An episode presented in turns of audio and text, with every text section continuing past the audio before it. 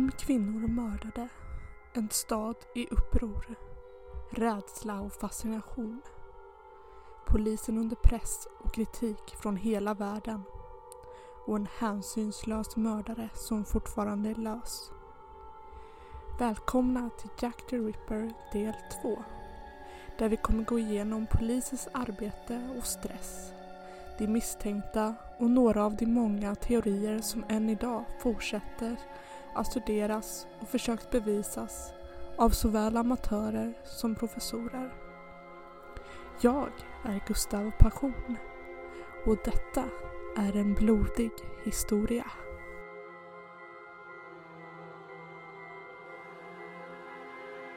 Som jag nämnde i förra avsnittet hade polisen nedvärderats och kritiserats hårt av pressen och lokalbefolkningen för bristen på framsteg i de fem kvinnornas utredningar. Men polisen gjorde verkligen allt de kunde. Men det fanns ett problem inom poliskåren som förvärrade och försenade utredningen. Det var inte samma poliskår som hade ansvar för alla morden.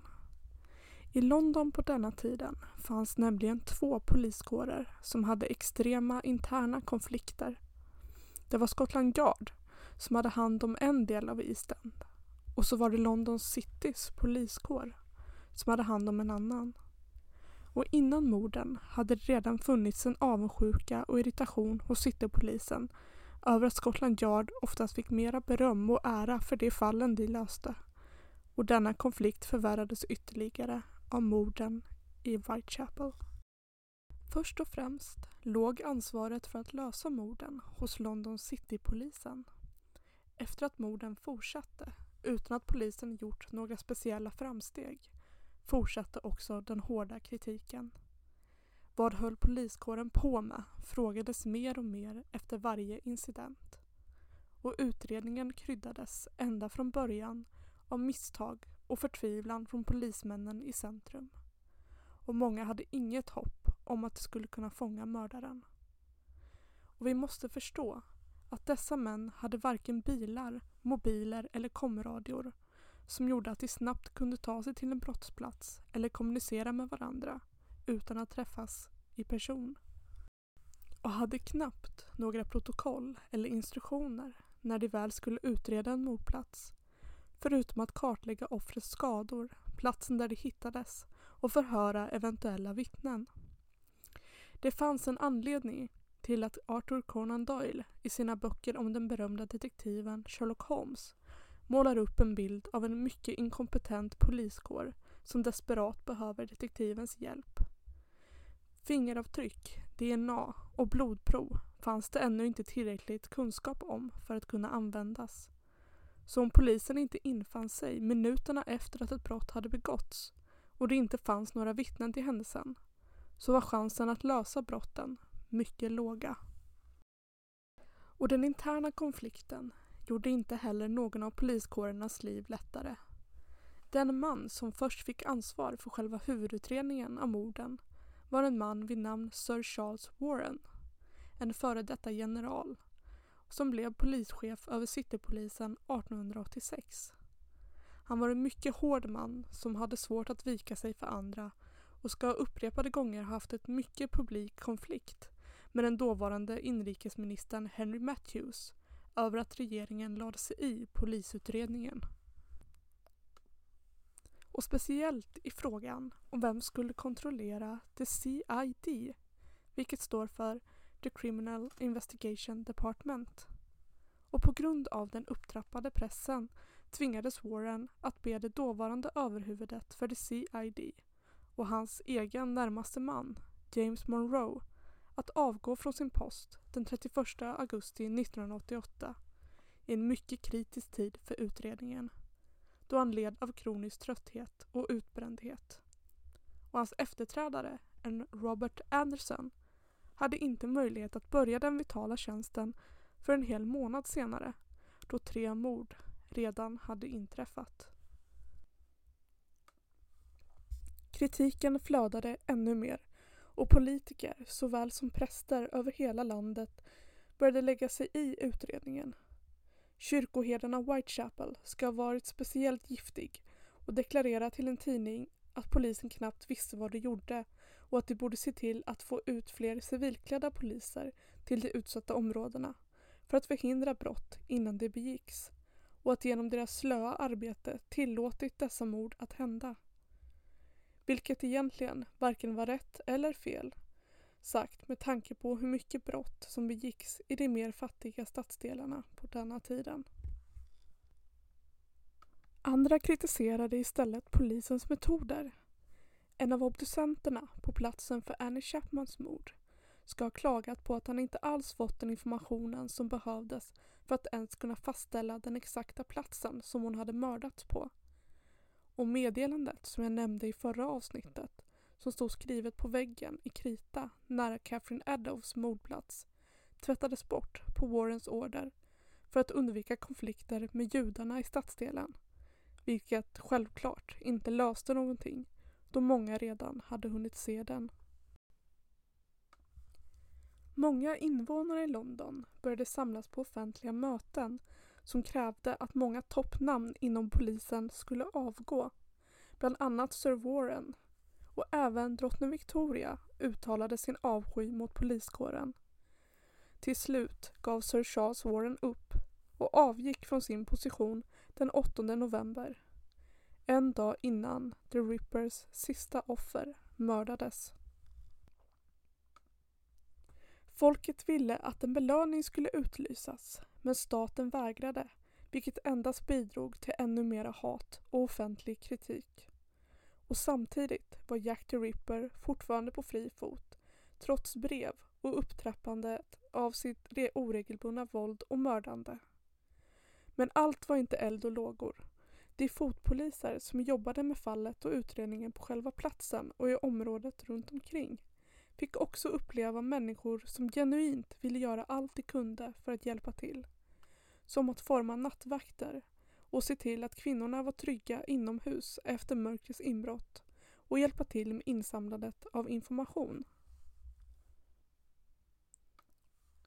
Och tyvärr kunde man nog ändå säga att trots polisens hårda arbete, lokalbefolkningens hjälp och de många misstänkta som fanns kunde man på grund av de brister jag nämnde tidigare plus de situationer som brotten begicks i att det var ensamma alkoholiserade prostituerade som framför allt mördades på avlägsna platser i en kriminell del av London mitt i natten då inga vittnen fanns.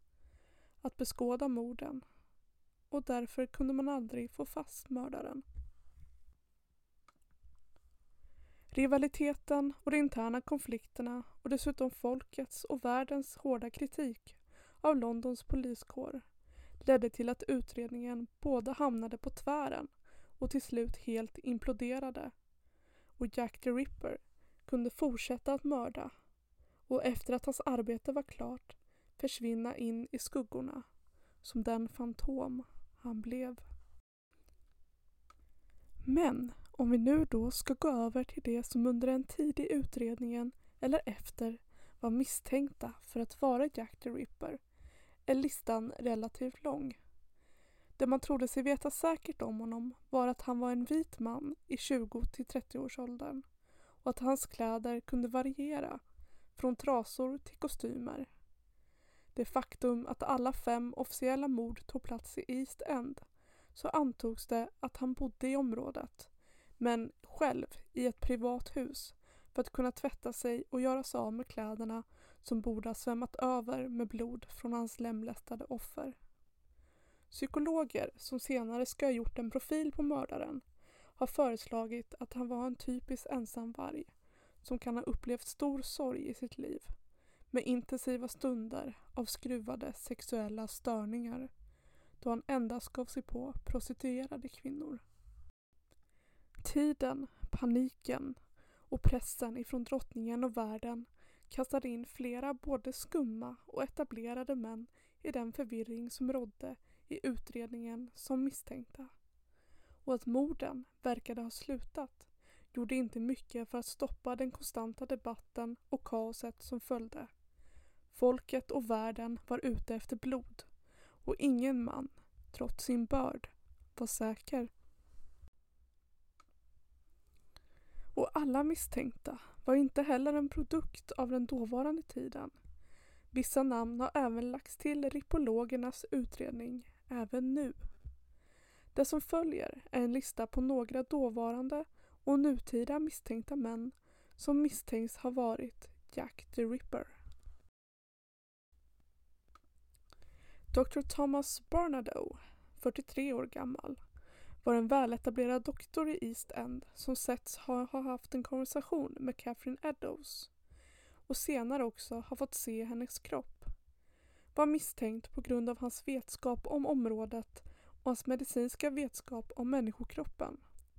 Men han avskrevs tidigt då han var för gammal för att passa in på beskrivningen och dessutom hade en mycket stor mustasch som skulle varit lätt för vittnen att känna igen. William Burry bodde i Bow, ett område mycket nära East End och som i januari 1889 flyttade med sin fru till Dundee där han följande månad mördade och stympade sin fru och blev hängd för brottet i mars. Och eftersom de två kvinnorna som ska ha mördats i London 1889 inte räknas officiellt som Jack the Ripper-mord och Mary Jane Kelly var den sista så är han tekniskt sett fortfarande en rimlig kandidat för morden. Nathan Kaminski, en senare kandidat som inte upptäcktes förrän 1887 av en man som letade efter en annan misstänkts vårdanstaltsuppgifter. Kaminski var en våldsam polsk jude som jobbade som stövelreparatör i East End och led av svår syfilis. Han ska ha blivit intagen på Colney Hatch Asylum i december 1888 och dött ett år senare. Och det är stor chans att konstapeln med ansvar för listan över misstänkta kan ha blandat ihop namnen och därför inte utrett Nathan ytterligare. Montague Druitt var en av de huvudmisstänkta men mest återigen på grund av den ansvariga konstapelns personliga övertygelse att så var fallet. Druitt var en respektabel man från Blackheath. Han arbetade som lärare och advokat och sportade på fritiden. Men i november hade hans oregelbundna beteende på hans arbetsplats fått honom sparkad och snart efter dränkte han sig i Themsen. Han ska varken ha haft motiv eller möjlighet att mörda de fem kvinnorna i East End. Aaron Kaminski levde i Whitechapel under 1888 och ska ha arbetat som frisör. Han ska enligt utredningen ha haft ett starkt hat mot kvinnor och speciellt prostituerade och mordiska tendenser. Han var också intagen på Colney Hatch Asylum men inte förrän 1891. Men även han har mycket som talar emot honom som mördaren.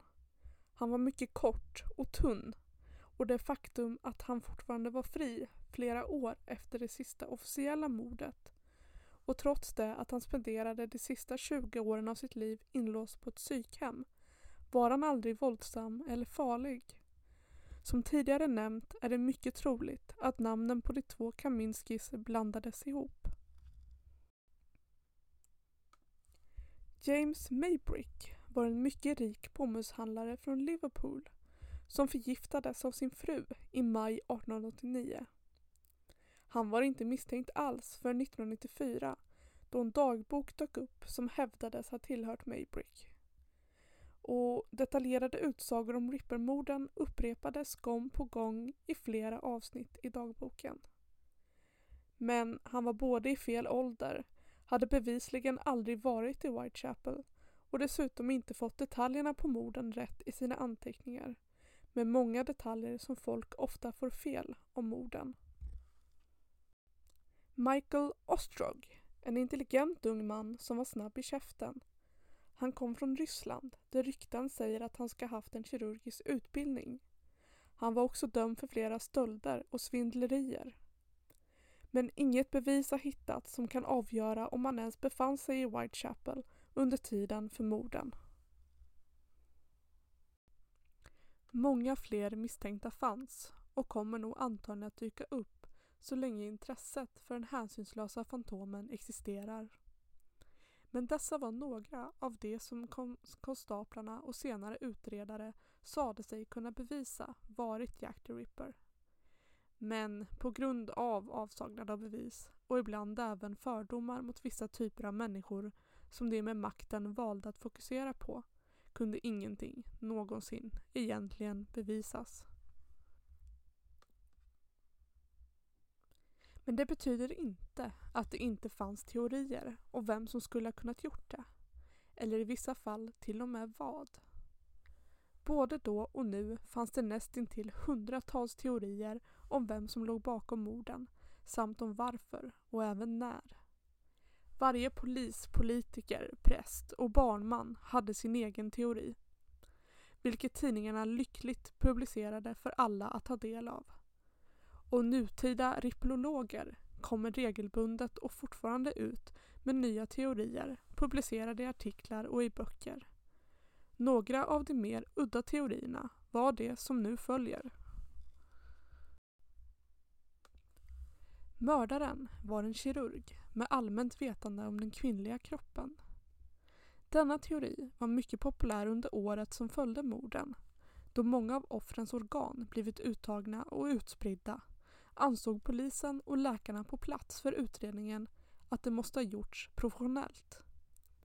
Men som vi vet nu så var den tidens operationer extremt primitiva och dödliga och teorin blev krossad av en mycket erfaren kirurg redan något år efter att den instiftats då han undersökte de lemlästade kropparna lite närmare. En teori byggde på att mördaren ska ha varit en sjöman som kunde både komma och gå lite som han ville och därför undvika misstanke. Att han skulle varit en slaktare eller boskapsindrivare på en båt som fraktade djur. Och under tiden för morden ska två portugisiska skepp med kreatur ha legat i hamnen inte långt från Whitechapel och East End. Och drottning Victoria ska fråga sin inrikesminister i ett öppet brev om båtarna hade blivit genomsökta.